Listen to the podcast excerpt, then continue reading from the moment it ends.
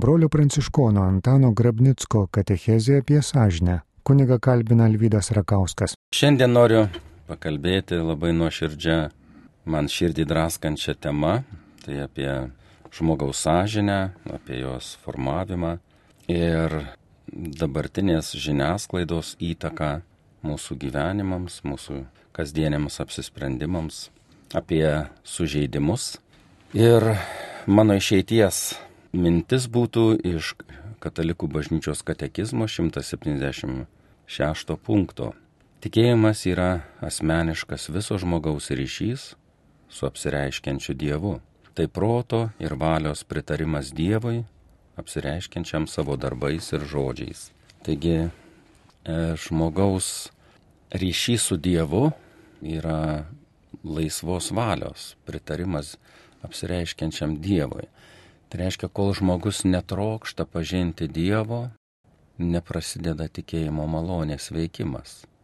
Nes laisvas žmogus, dauguma žmonių nesuvokia to malonės veikimo, tos didžiulės dovanos, kuri duota žmogui, trokšti Dievo artumos ir kol žmogus neištarė Dieve noriu tave pažinti, to ir neįvyksta.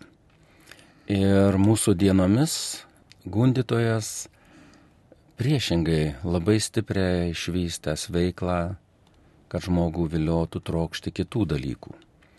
Ir ta veikla yra tokia stipri, e, gal sakyčiau, ne tiek stipri, kiek tampa stipri per gausumą.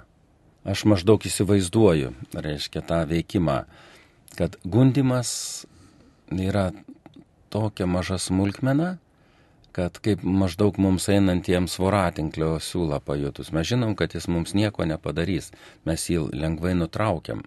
Bet e, jaučiam, nėra taip, kad nepajustume. Taip ir moraliai, kada gundytojas mums kviečia pritarti kokiai nuodėmiai ir mes ne visada nutraukiam tą siūlą toj pat. Ir vienas iš e, skaudžiausių dabartinių, reiškia, sužeidimų žmogui vyksta per vadinamą tylos pritarimą. Tylos pritarimas tai, kada žmogus tiesiog tyli, matydamas netinkamą veiksmą, nuodėmingą veiksmą.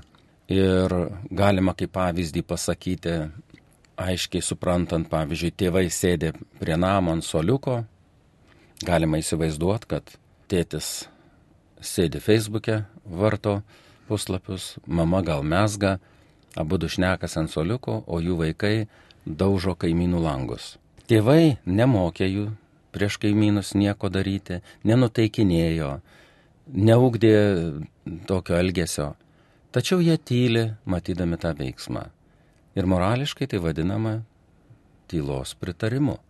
Reiškia, jie neprieštarauja tam, kas vyksta, nors jie neinicijavo tokia, reiškia, tylos pritarimo vertė yra stipri tuo, kad kaimynai atbėgia pirmoje eilėje kaltins ne vaikus, bet tuos, kurie to nedraudžia, nes atsakomybė yra didžioji tiem, kurie suvokia daugiau, kaip Dievas yra sakęs, iš kiekvieno bus pareikalauta, kam daugiau duota. Tai čia šiuo atveju tėvai suprantame, kad jie supranta daugiau ir iš jų reikalaujama.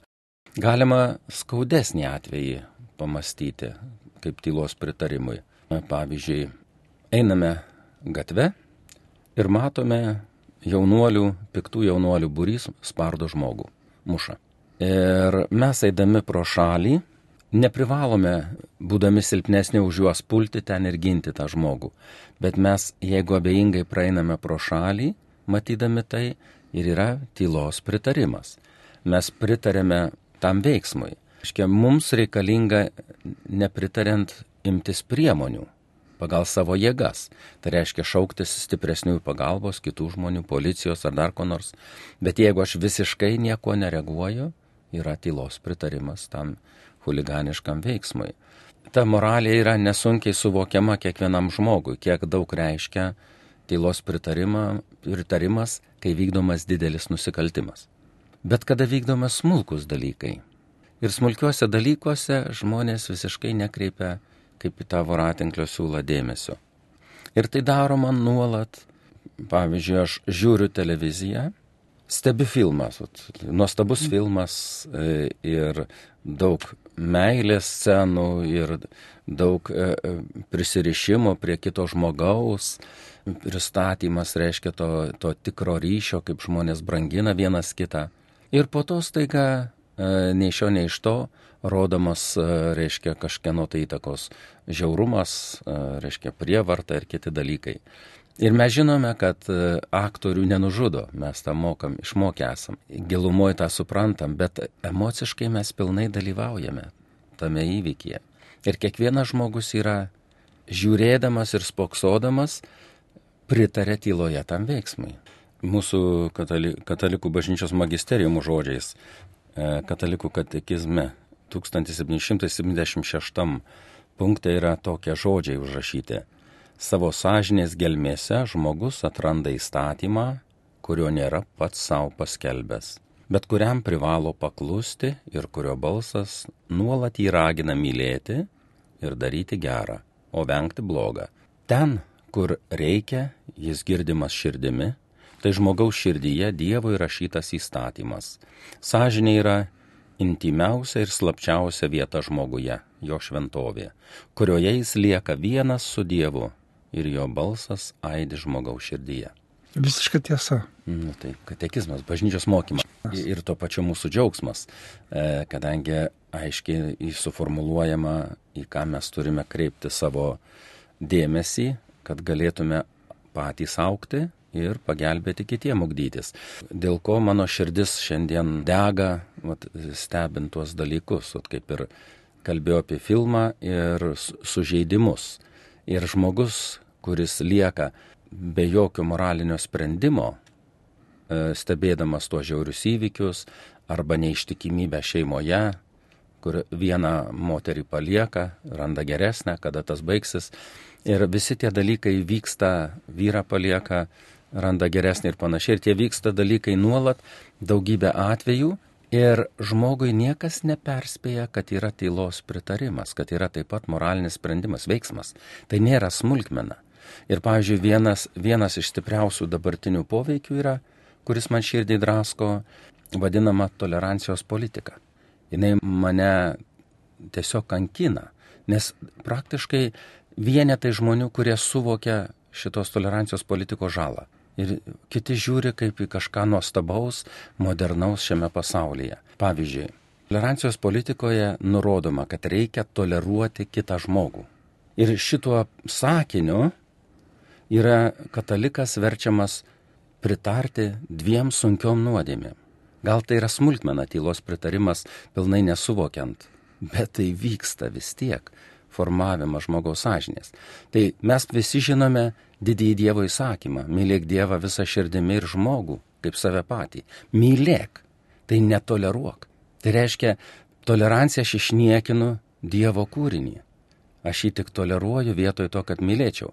Nes meilė yra pagrindinis dalykas rūpintis jo amžinybę ir šio žemės gerovę. Mūsų dienų toleracija tai abejingumo. Kaip gali būti abejingas akivaizdžiai prieš tavo akis vykstančiam blogiui? Tai čia tas kreipimasis į žmogaus sąžinę aš suvokiu labai paprastai. Jėzus, viešpats Jėzus yra pasakęs tokius žodžius kad e, žiūrėkite, kokios esate dvasios, kai ten norėjo samariečius ugnimi sunaikinti e, mokiniai. Iš, iš tų žodžių suvokiu vieną pagrindinį principą. Jeigu aš leidžiu per save kalbėti piktai dvasiai, kaltintojui, satan hebrajiškai, lietuviškai išvertus kaltintojas, mes dažniausiai sakom šetonas, sulietuvinam tą žodį neverčiam, bet kaltintojas. Tie kaltintojas visada jis e, sako, kaip Dievo teisėjo vietoje, užimdamas vietą, teisdamas žmogų, nes die, žmogus yra Dievo kūrinys, o žmogaus elgesys nėra Dievo kūrinys, yra žmogaus laisvas veiksmas. Ir mes žmogaus teisti negalime, bet vertinti žmogaus elgesį ne tik tai, kad galime, bet ir privalome. Ir atitinkamai formuoti savo elgesį, jeigu jis primtinas ar neprimtinas. Va, ir viešpaties Jėzaus žodžiai, žiūrėkite, kokios esate dvasios, mums aiškiai primena, kad mes būdėtume, kokią dvasę mūsų širdyje kalba ir mes leidžiame savo lūpas tuo žodžius tarti. Tai jeigu aš ištariu velnio žodžius, tai velnės su kiekvienu manęs priminimu tam žmogui kartos tuos mano užtartus žodžius. Bet jeigu aš kalbu Dievo žodžius, o Jėzus visuomet kviečia, niekuomet neverčia, nekaltina, jis visada kviečia, kas mane myli, teseka mane, tuomet Dievas sąžiniai tam žmogui nuolat primins to žodž... Dievo žodžius. Tai man visada reikia suvokti, kam aš atstovauju. Ta žodis būdėkite Jėzaus paliepimas mums ir aiškina, kad suvokčiau, kam, kokiai dvasiai aš atstovauju. Tai noriu dar grįžti prie tolerancijos ir užbaigti tą mintį. Mhm. Reiškia, nes aš paminėjau tik tai vieną nuodėmę. Išniekinama dievo, dievo įsakymas, išniekinamas mylėti žmogų. Nes Dievas sukūrė žmogų meiliai ir Dievas mylimus ir trokšta, kad mes vieni kitus mylėtume. Ir čia jokia tolerancija ne, nepateisinama. Mes turime mylėti žmogų, o netoleruoti. Ir antra nuodėmė daroma tada, kai Dievas aiškiai sako mums nuodėmės nekesti. Mes negalime jai ne tik tai morališkai tyloje pritarti, bet turime jos nekesti prieš, prieš ją kovoti. Ir šiuo atveju vėl žmogus su tolerancijos politika kviečiamas tyloje pritarti tai nuodėmiai, kuri yra pristatoma. Tai reiškia, tolerancija E, nuodėmiai nu, yra tas pats. Man, aš visada esu sužeidžiamas. Kiekvieną kartą, kada aš žiūriu į smurtinę sceną, aš esu sužeidžiamas. Nors tai mažas voratinklis, bet jis įtakoja per tūkstančius ar milijonus kartų mano gyvenime, jis formuoja mano elgesį. Dabar prakalbėsiu iš savo e, patirties mhm. keletą žodžių šitą pačią temą. Nesuvokiau, kiek yra sudėtinga policijos darbo aplinka, niekad. Tiesiog kaip kunigas gyvenau savo aplinkoj ir niekad nesuvokiau, kad pas mane ateina į bažnyčią nuostabų žmonės. Bet pas policijos aplinka yra netokia kad jų aplinka daug sunkesnė. Bet mane pakvietė darbuotis probacijos tarnyboje. Mhm. Ir ten besidarbuojant, va, Dievas davė tą suvokimą, nuolat melstis už policiją, nes pamačiau, kiek jiems sunkesnis gyvenimas yra ir ta aplinka kasdienė, kad išlikti geram, nuolat susitinkant su tai žmonėmis. Matai, ir visa probacijos tarnybos veikla buvo vienintelis kelias - duoti žmogui susivokti, kad konfliktą galima spręsti ne vien tik smurto keliu. Kitaip tariant, žmogaus patirtyje augant nebuvo matomas kitoks pavyzdys, nebuvo formuojama sąžinė, kitų variantų nebuvo. Ir tiesiog jis spontaniškai elgėsi taip, kaip jam pirmoje eilėje ateina mintis, ką jis matė. Ir iš filmų, ir iš savo kasdienės būtinės aplinkos. Va, ir tada ten mes susitikę, nagrinėdavom kažkurį tai variantą ir visi kartu spręsdavom, kaip galima išspręsti tą klausimą be smurto. Ir nuostabiausia tai, kad e, žmonės negrįžta į smurtą, tai suvokia nes tai mato, kad tai nėra geriausias kelias. Matai, aš labai džiaugiuosi tuo, kad, e, reiškia, mes turim galimybę pasidžiaugti Dievo malonę veikiančią mumise ir aš kviečiu visus nu, nepritarti savo širdime matomam smurtui. Kitaip tariant, kviečiu ap, apginti save. Aš užsidedu šarvus. Tai va aš ir noriu apie tai kalbėti kiekvienam žmogui, kurį sutinku, kaip save apginti nuo tų visų tylos pritarimų. Jis moraliniai teologijoje vadinamas abejingumu, aš e, labiau vadinu pritarimu, nes e, abejingumas jis nėra taip suvokiamas pilnai savo pavojingume, nes aš tik tai nekovoju, tarsi abejingas ir aš čia man nieko neatsitinka o aš vadinu morališkai, man atrodo, aš e, svaresniu žodžiu tylos pritarimas. Tai reiškia, mano abejingumas vis dėlto reiškia šitą daugiau, ne vien tik tai, kad aš atsiriboju. Va, ir e, kaip apginti? Pavyzdžiui, ir kaip apginti vaikus. Tai yra, e, jeigu netikinti žmogus, tai jo vienintelis kelias bent morališkai pasakyti viduje, kad aš to nenoriu. Laisva valia yra. Ir jeigu aš įsijungiu emociškai ar e, griežtindamas situaciją, ar e, džiaugdamasis tuo, ar prieštaraudamas piktai žodžiais, visuomet aš įsijungiu emociškai ir tuo pačiu esu sužeidžiamas. Nors į ten įtakos aš neturiu, pavyzdžiui, aš negaliu paveikti nei aktorių, nei žiniuose matomų įvykių, nei karo situacijos, nei bet kokių kitų dalykų, kuriuos aš matau, aš jų negaliu paveikti. Bet jie mane sužeidžia tiek, kiek aš emociškai tuos dalykus įsijungiu. Tam, kuris nedaro gero, kaip tą meilę jam parodyti. Žodis neapkenčiu nuodėmės, jis turi egzistuoti. Vat atskirti, labai aiškiai atskirti, kad kai, kaip ir tu esi Dievo kūrinys, kaip ir kitas Dievo kūrinys. Bet šiuo atveju e, mes neišsprendžiam blogio priežasties, nes e, mes neišjungsime gyvenimo gatvėje. Aš negaliu įtakoti daugybės įvykių savo aplinkoje, aš galiu įtakoti save, bet aš negaliu įtakoti daugybės elgesio aplinkui, kada manęs nemyli, mane apvagia, įžeidžia, apie kurios dalykus e, kalbi ir kaip nuo visų tų dalykų apsiginti. Bet reikalinga išmokti kasdien lavintis, suvokiant gundytojo pagrindinį darbą. Piktoji dvasia nieko nekuria. Jis praktiškai pamėgdžioja viešpati Jėzų visuose punktuose. Vienas iš stipriausių pamėgdžiamų yra viešpats Jėzus subūrė paštalų būrį ir sako jiems, eikite ir skelbkite Evangeliją. Kitai žodžiai tariant, eikite ir skelbkite Dievo darbus. O piktoji dvasia mums visiems nuolat kartoja, eikite ir skelbkite mano darbus. Ir žmonės daug nuoširdžiau paklūsta skelbdami velnio darbus kalba apie nuodėmę, apie visus dalykus. Mums reikia nuodėmę įvertinti, reikia daryti savo pasiryžimus, mes Taip. turime nuolat save apsaugoti darydami sprendimą, bet vietoj to mes dažniausiai kalbame ir skelbėme velnio darbas. Platiname, kaip nuodėmę daryti, pristatome panieką žmonių ir taip toliau. Ir viskas tas vyksta. O aš ir noriu pakviesti apsaugoti savo širdį ir mokinti vaikus, kaip apsaugoti savo širdį. Tai va, aš bandžiau, pradėjau čia prieš keletą akimirkų tas, e, tai sakyti ir kažkaip nutrūko.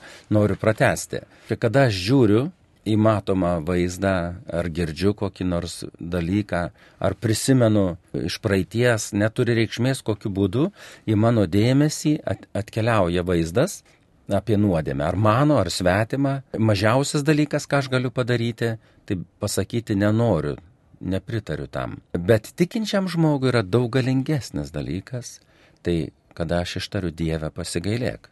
Ir kiek reiktų kartų per dieną ištarti Dievę pasigailėk? Tiek kartų, kiek kartų Dievas leidžia, ar prisiminti, ar pamatyti, vienokiu ir kitokiu būdu dalyvauti aš...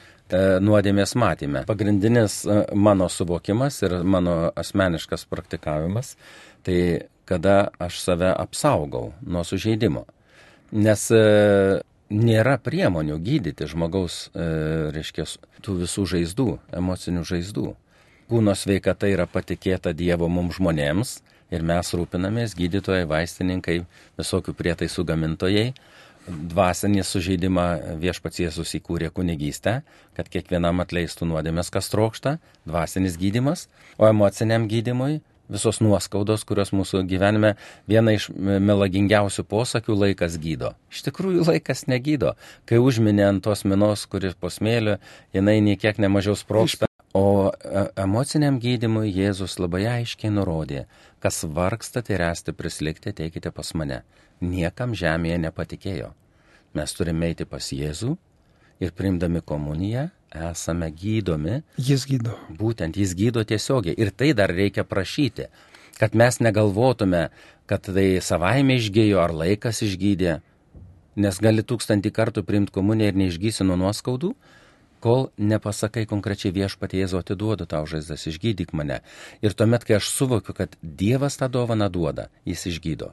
Aš nežinau, kiek laiko gali trukti tas prašymas. Tai priklauso nuo mūsų troškimo stiprumo ir nuo Dievo sprendimo, kurio mes negalime vertinti. Bet vienintelis būdas, kurį aš suvokiu žemėje, emocinis gydimas. Ir aš tai patyriau e, būtent dešimtais kunigystės metais.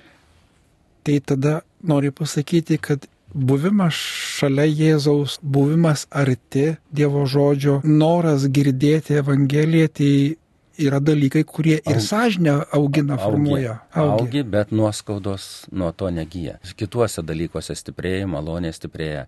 Kodėl Dievas leidžia žmogui širdyje suktis daugybę kartų praeities blogiam įvykiam ir žmogus vėl iš naujo susijaudina. Dievas tai leidžia vien tam, kad susivoktume eiti pas jį ir prašyti išgydymo. Aš apie tai noriu šaukti visiems, kad mes žmonės per mažai. Mes kartais organizuojame gydimo pamaldas, bet užmirštam tiesioginį gydimą, nes gydimo pamaldos yra antrailis dalykas. pirmasis gydimas yra tiesiog iš Jėzaus. Ir pas jį ateiti nebent tuomet aš nemoku pasiruošti, atverti širdį, tuomet reikalingi kiti pagalbininkai, kurie kaip nemokančiam eiti padeda už kojų, už rankų paėmę, ar atveža, arba atveda. Tai va, tai, bet pirmasis dalykas yra gydimas praeities. Tai reiškia, kiek aš nesuvokiau gyvenime ir buvau sužeistas per pritarimą nuodėmėti tylėjimu, žiūrėjimu įvairiausių scenų ir dalykų ir niekad nepasakiau nenoriu arba Dieve pasigailėk, tiek aš esu sužeistas ir esu reikalingas gydimo. O nuo dabar aš turiu saugoti save, kiekvieną kartą trokšdamas Dievo apsaugos, tardamas Dievę pasigailėk. Ir mūsų laikais ypatingai tas sužeidimas padidėjo dėl to, kad žiniasklaidos kanalų labai daug. Ir tų sužeidimų milijonai. Ir jeigu aš būdavau vieno ar kitų pasakojimų sužeidžiamas prieš šimtą metų, žmogui pasakojant blogus įvykius, tai tie dalykai nedaug įtakodavo, dabar labai stipriai įtakoja. Ir kaip pats kalbėjo apie sąžinės ugdymą, katekizmas tą patį Taip. sako, sąžinę reikia ugdyti.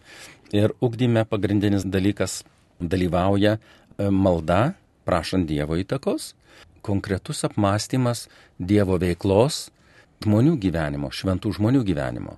Ir at kaip tik viešai ir yra vykdoma nuodėmė pristatoma ir apie tai daug žiūrima. Šventųjų žmonių gyvenimai praktiškai nematomi, visas sąžinės ugdymas vyksta kitų būdų. Kodėl viešpats Jėzus pats nerašė švento rašto? Juk dabar galėtume remti daugybės žmonių sakymus, kad nėra tokio žodžio Biblijoje, mes negalim to naudotis, nes tai nėra preikšta ir tai nėra iš viso tiesa. Tai galėjo Jėzus parašyti šventą raštą ir įtraukti visus žodžius. Bet kodėl jisai nerašė? Mano atsakymas, kiek Dievas leidžia man suprasti, yra toks, kad e, priėmimas Dievo malonės, priėmimas Dievo žodžio, priėmimas Evangelijos skelbimo priklauso, tobulumas jo priėmimas priklauso ne nuo skelbėjo tobulumo, o nuo priimančio atvirumo. Todėl Dievui pakanka šventai dvasiai, švenčiausiai trejybei, tų mūsų žmogiško netobulo skelbimo, nes pagal žmogaus atvirumą Dievas tai veikia. Žmogus gali nepriimti ir gali priimti. Todėl va, tas atvirumas mūsų Dievo malonė yra svarbiausias momentas. Švenčiausioji trejybė, atverk mano širdį tavo maloniai, padėk pažinti tave, trokštų būti su tavimi viešpatie Dieve ir dabar visam žinybę Dievas leidžiasi atrandamas. O jeigu žmogus nenori, Dievas priima jo sprendimą niekuomet neįtakoja. Pirmi žodžiai, kuriuos aš ištariau iš katekizmo, tai buvo proto ir valios pritarimas Dievui. Tai reiškia, mano sprendimas vyksta. Ir jeigu aš to sprendimo nedarau, Dievui nesuteikiu galimybės mano gyvenime save paliūdyti, jį išgirsti. Tai va, tai pagrindinis dalykas. Ir aš dar vieną turiu skausmą, apie kurį tiesiog dega širdis. Dariau keletą veiksmų, bet atsimuždavau kaip į sieną. Brolių dėka praleidau 8 metus Junktinėse Amerikos valstijose ir ten, būdama, mm. ir ten būdamas sutikau ligonius, kurie buvo gydomi nuo virtualios priklausomybės, nuo mobilių telefonų, mm. nuo kitų dalykų. Ir grįžęs čia, bandžiau klausti, kodėl pas mus tokių dalykų nėra. Kodėl pas mus negydomi žmonės nuo virtualios priklausomybės, juk mes tokie patys, tą pačią prigimtį turime. Ir pasirodo, reikalingas Seimo sprendimas, kad įtrauktų į lygų sąrašą. Gydytojai net negali paskirti tokio e, gydimo. Ir kada neįtraukta į lygų sąrašą, negalima nubausti tų žmonių, kurie tą lygą įvaro, reiškia, nes nėra įstatymo, kuris gina paprastą eilinį žmogų. Imkim e, lošimo kompanijos dabar nuolat kartoja per kiekvieną reklamą, nesakyk, kad neatsakingas žaidimas gali iššaukti priklausomybę. Jis priešingai sako, pagal sąžinę, tarsi nebūtų, reiškia, priklausomybės. O iš tikrųjų jinai yra. Aš kalbėjausi su tai žmonėm, kurie nuo tos priklausomybės buvo gydomi. Aš klausiau jų, kaip tu išgyveni tą priklausomybę, kaip tu suvokiai, kas ten tave varė. Sako, e, prasidėjo pagrindinis e, tos lygos tada, kai leido mobilų, reiškia, internetą per mobilius duomenis, nebrangiai, Ir tuomet, sako, atsirasdavo širdį toks laukimas kažkokios žinios, aš tai greičiau sakyčiau, susitikimo su Dievu laukimas, bet ar, ar su mylimu žmogum. Ir sako, lauki to žinios Ten tik ateina tik reklamos, bet pastovi vis žiūri ir negali atsitraukti ilgiau kaip dvi minutės, negali dirbti normaliai rimto darbo ir vis ten žiūri. Ir nieks neteina, tas laukimas yra, nieko negauni. Lygiai tas pats lošimuose dabar laukia mm. žmogus kažkokio tai ateities gyvenimo ir nieko, tos priklausomybės yra formuojamos, o niekas negina tų žmonių nėra gydimo. Aš net gydytojų klausiau tų, tiesiog parašiau, sakau, paaiškinkit man, kaip savistabai nustatyti pačiam savo. Ar aš sergu priklausomybė ar ne, va tom lygom, reiškia virtualiam prisirišimui, priklausomybė ta. Tai gydytojas man ramiai atsakė, save patikrinti labai nesunku. Jeigu tu ne be prievarto savo norų gali palikti tą priemonę, telefoną ar kompiuterį trim dienom ir nesikankinti dėl to, priklausomybės nėra. Bet jeigu tris dienas niekaip negali palikti, tai rodomas, kad esi reikalingas labai stipraus gydimo. Pas mus net tai neįvardinama kaip lyga. Va šitas dalykas mane drasko. Kreipiausi į gydytojus, į kitus ir jie visi atsako įstatymiškai nepagrista. Kai kurios lygos yra dalinai kūno, dalinai dvasinės ir reikia abiem kanalais gydyti. Jeigu abu, abu, abu dalykai negydomi, neišgyjimas neįmanomas. Pavyzdžiui, alkoholizmas yra ir dvasinė lyga, ir kūno. Todėl reikia ir dvasinę, ir kūno lygą gydyti vieną pusę gydant, antrą pusę lieka, pažiūrėjau, dvasinės pusės netvarkant, neįmanoma sudėti pamatų tinkamam elgesiui, įpročių formavimui ir taip toliau. Tie dalykai gana svarbu ir žmonės nuo seniausių laikų žino tai, kad viešpats Jėzus sakė, jeigu jūs turėtumėte tikėjimą kaip garstyčios grūdelį, jūs galėtumėte tarti kalnui persikelti iš vienos vietos į kitą ir paklausytų. Medžiai lieptumėt pasisodinti į jūrą ir jūsų paklausytų bet mes žmonės labiau linkę savo ranką sukišti į medžiagą per technologijas, tarsi norime valdyti, bet aš matau priešingą efektą. Kuo daugiau sukišam rankas į medžiagą, kad valdytume, ji mus užvaldo. Nes e, jeigu skaičiuotume priklausomybių, kiek buvo prieš šimtą metų, kol mažiau pažinojom pasaulį, priklausomybių buvo sąrašas turbūt gal ant pirštų suskaičiuojamas. O dabar, jeigu suskaičiuoti reikėtų cheminius variantus ir visus virtualius ir kitus, kiek priklausomybių yra. Ojojoj. Ir iš tikrųjų ne mes medžiagą įvaldom, bet medžiaga mus užvaldo. Nes vėl trūksta to vidinio troškimo, kad Dievas veiktų mumyse, nuolatinio troškimo kad Dievas atvertų mūsų širdis pažinti jo tvarką, jo meilės dėsnius, jo rūpestį mumis. Ir kada mes galvojame, kad aš pats čia galiu sutvarkyti, mes dažniausiai tą patiriam tą nu, nuostabią taisyklę, kurią visi pažįsta, aš manau, kad stengiausi kiek galėjau, išėjo kaip visada. Ta taisyklė. Ir dar vienas toks momentas yra, kurį norėčiau paminėti, kad Dievas yra įrašęs į mūsų širdis, kad Dievo įrašyta sąžinėje balsas yra įrašytas ir e, įstatymas. Ir jis e, suprantamas, suvokiamas visų žmonių, kurie sveiką protą turi, kad nedarykit tam to, ko nenori, kad tau darytų. Net maž, e, gyvūnai tą supranta, jau nekalbant apie žmogų. Nedarykit tam to, ko nenori, kad tau darytų. Ir tai nėra sudėtinga.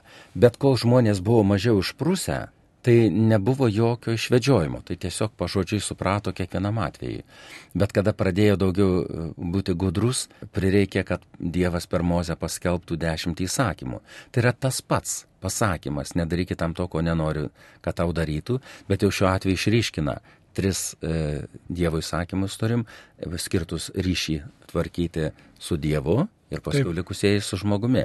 Jau detalizuojama, kad suvoktume. Dabar pagal dabartinį išprusimą reikėtų dar daugiau detalizuoti, bet mes neturime laiko, kaip sakant, neskiriame laiko tų dalykų pažinimui. Tai nors tas skausmas yra didelis Jėzaus. Mus matydamas viešpats Jėzus, aš įsivaizduoju, kaip jis kenčia, nes davęs laisvą valią, padaręs save bejėgiu prieš mūsų laisvą valią, jis gali tik kentėti, žvelgdamas į mūsų sunkumus, kaip tėvas į vaiko klaidą žiūrėdamas ir žino, kad tikėjimo neįpūsi, pompos nėra šventumų įpūsti. Įdomus momentas žmogaus šventėjimo kelyje, norėčiau pabrėžti. Jeigu skaitom šventųjų gyvenimus, didžioji šventųjų gyvenimų patirtis rodo, kad jie prieš mirtį ilgesnį ir trumpesnį laiką patiria gyvenimą be dvasinių pagodų. Nes visada, vat, kaip kalbė apie tam tikrą džiaugsmo patyrimą, mes e, visada patiriam pradžioje tikėjimo kelionės kada atrandam kryptį link Dievo, kol mes ieškome kaip kompaso rodiklė kuria kryptimi eiti, kiekvieną pasisukimą teisingą kryptimi Dievas apdovanoja tam tikrų džiaugsmų. Tai yra įvardyjama kaip dvasinėmis paguodomis, arba aš mėgstu sakyti dvasiniai saldainiai. Reiškia, tai e, gauni tuos saldainius. Bet tam tikram laikotarpį žmogaus dvasiniam augime jie dinksta. Ir klausimas, kodėl dinksta? Nes aš kaip nuodėmklausis, aš labai patiriu daug žmonių, ypač vyresnio amžiaus, kurie ateina ir bodisi, reiškia, dabartinę situaciją ir ilgisi to džiaugsmo, kurį patirdavo pradžioj tikėjimo pažinimo kelio. Ir sako, aš nežinau, kas man atsitiko, aš tikėjimą praradau, ar su manim kažkas įvyko, kodėl aš nejaučiu to. O Dievas visą tai suteikia kiekvienam iš mūsų todėl, kad mes išmoktume ieškoti paties Dievo, bet ne jo dovanų. Nes kada pradžioj e, mes priprantame Dievo palydėjimą ir pradedam vertinti Dievo dovanas. Bet suprask pats save, kaip jaustumės, jeigu tave vertintų pagal dovanas ateinant, bet tavo bendrystės nieks nevertintų, jeigu eini kažkur. Daug didesniam lygyje su Dievu bendraujant. Ir Dievas kiekvieną žmogų ruošia amžinajam gyvenimui bendrystėj su Dievu, nutraukdamas dovanas. Nes mes labai dažnai, kada melžiamės dėl Dievo dovanų, virstame stabmeldžiais. Nes mums Dievo nereikia, o reikia stabo. Ir dabartinis pasaulis labai užsiemė stabmeldystę. Nes be galo užsieima instinktų garbinimu, kitais dalykais. Vien stabmeldystės niekad tiek daug stabmeldystės nuodėmė nebuvo daroma kaip dabartiniais laikais. Ir žymė yra visuose pasaulio civilizacijų istorijose ta pati kai žmonės patogiau pradeda gyventi, nesišaukia Dievo, jo negarbina, stabmeldystės veikloje susinaikina. Mes dabar aš suvokiu, kad gyvenam panašiam laikotarpį. Kodėl Dievas mus moko? Aš norėčiau tą atkreipti dėmesį, kad neįsigasti, kad dinksta dvasiniai saldainiai, bet tiesiog dar labiau valiau trokšti Dievo draugystės ir buvimo su juo. Dievo meilę pajutę žmogus Dievo artumą pajutęs žmogus gali tą sakyti iš karto vertėjo. Bet tas, kuris pradeda tikėjimo gyvenimą, nėra patyręs, negali taip spręsti vertėjo, nes jis dar neturi tos patirties. Kada kyla mums klausimai, kodėl viešpatie man, tikrai raginčiau visada klausti viešpatį, suprasti priežastį tam tikrų dalykų. Labai dažnai mes užmirštame žiūrėti į priežastį, kokiai situacijai atsitikus. Mes dažniausiai net ir medicina dabar daugiau linkusi gerinti savijautą vietoj to, kad gydytų lygą ir pašalintų priežastį. Tiesiog savijauta, vat, dėmesys savijautai ir tuomet palaikoma ta savijauta ir tuo pačiu, e, reiškia, palaikymu pririšama žmogus. Mums reikalinga visada prašyti Dievą suvokti priežastį. Ir Dievas to nori. Aš kiek suprantu ir savo gyvenimo patirtimi galiu liūdyti, Dievas visuomet atsako Ir e, mano nuostabiausiam, reiškia, nustebimui, tas principas suvokimo, aš kada skaičiau Jano Rečeko knygą. E, Kas jis toks? Didysis egzorcistas, drįščiau sakyti, mm. Europoje, reiškia, man pažįstamas ir Lietuvoje buvo atvykęs Janas Rečekas. Mhm. Jo knyga yra išleista Palūžusią dvasę išgydo Jėzus. Tai jo knygą skaitydamas suvokiau, kad jis nuolat ragina prašyti Dievą priežasties suvokimo, kad galėtum keisti gyvenimą, kad ne, ne savijautą gerint, ne su pasiekmėmis vargti, bet tiesiog ieškoti priežasties ir tuomet daroma esminė atgaila, atsiteisimai ir tuomet keičiasi visas gyvenimas dabar. Reiškia, per bet kokį įvykį, per bet kokį ženklą vis dėlto viešpats kalba. Taip, viešpats kalba ir nurodo į priežastį, arba mūsų stoką tam tikros maldos. Bet kalba ragin... taip, kad tas, kuriam kalba, jis yra pajėgus pagal savo supratimą visada. suprasti. Dievo pajėgus. duoto proto visada A. užtenka. Dievo duoto proto suprasti Dievo kūrybos tikslingumą ir jo valią labai nesunku. Nurastų dabar ūkininką pasaulyje, kuris nesuprastų, kad mėšlas sukauptas auginant gyvuliukus ant daržo gerai, o į šulinį blogai. Tai yra Dievo duotas protas, dievo tą duoda suprasti. Nu, čia jokių didelių problemų nėra. Ir su visais, ar imsimintyvų gyvenimą, ar bet kokį kitą, yra tie dalykai suvokiami, koks yra Dievo planas, koks yra tikslas, o gundytojas visada stengiasi žmogų išniekinti. Tai va ir sąžinės formavimas ir vyksta. Kada aš žiūriu e, visus tuos dalykus, kurie daugiau platinama nuodėmė, tikrieji dalykai nėra minimi, ir sąžininė gali būti ugdoma teisinga kryptimi, nes per mažai kalbam apie Dievo meilę, apie Dievo veikimą, apie Dievo dovanas. Mes dažniausiai natūraliai, jeigu imsim, taip linkę dažniau praradę dėjuoti, kokią dovaną turėjom, vietoj to, kad Dievui dėkoti, kol turime. Reiškia ir sveikas rankas, ir sveiką aplinką, ramų laiką maldą ir taip toliau. Tiek aš pats, tiek dauguma žmonių negirdi Dievo žodžio, o negirdim dažniausiai todėl, kad e, klausimosi metu sprendžiam, kad čia ne man, čia yra kitiems skaitoma. Aš visą laiką per krikštynas skaitau šventą raštą ir skaitau jau nuo 84 metų tą patį Evangeliją. Ten yra pali... duota kitos vietos paskaityti, bet aš skaitau tą pačią vietą ir laukiu, kad ateis žmonės sugrįž jau krikštį dalyvavę, atsakys tą, į tą mano klausimą. Kai aš perskaitau tekstą, paprašau atsisėsti ir paklausiu, ar girdėjote, ką skaičiau apie ką skaičiau.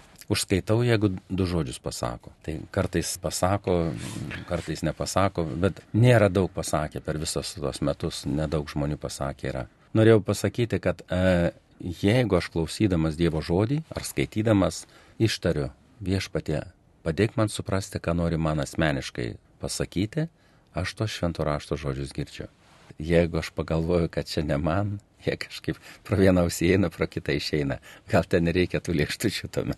Tai ką, šiai dienai dėkojam Dievui už galimybę pasidžiaugti Dievo malonėmis. Girdėjote brolio pranciškono Antano Grabnicko katechezę apie sąžinę. Kuniga kalbino Alvidas Rakauskas.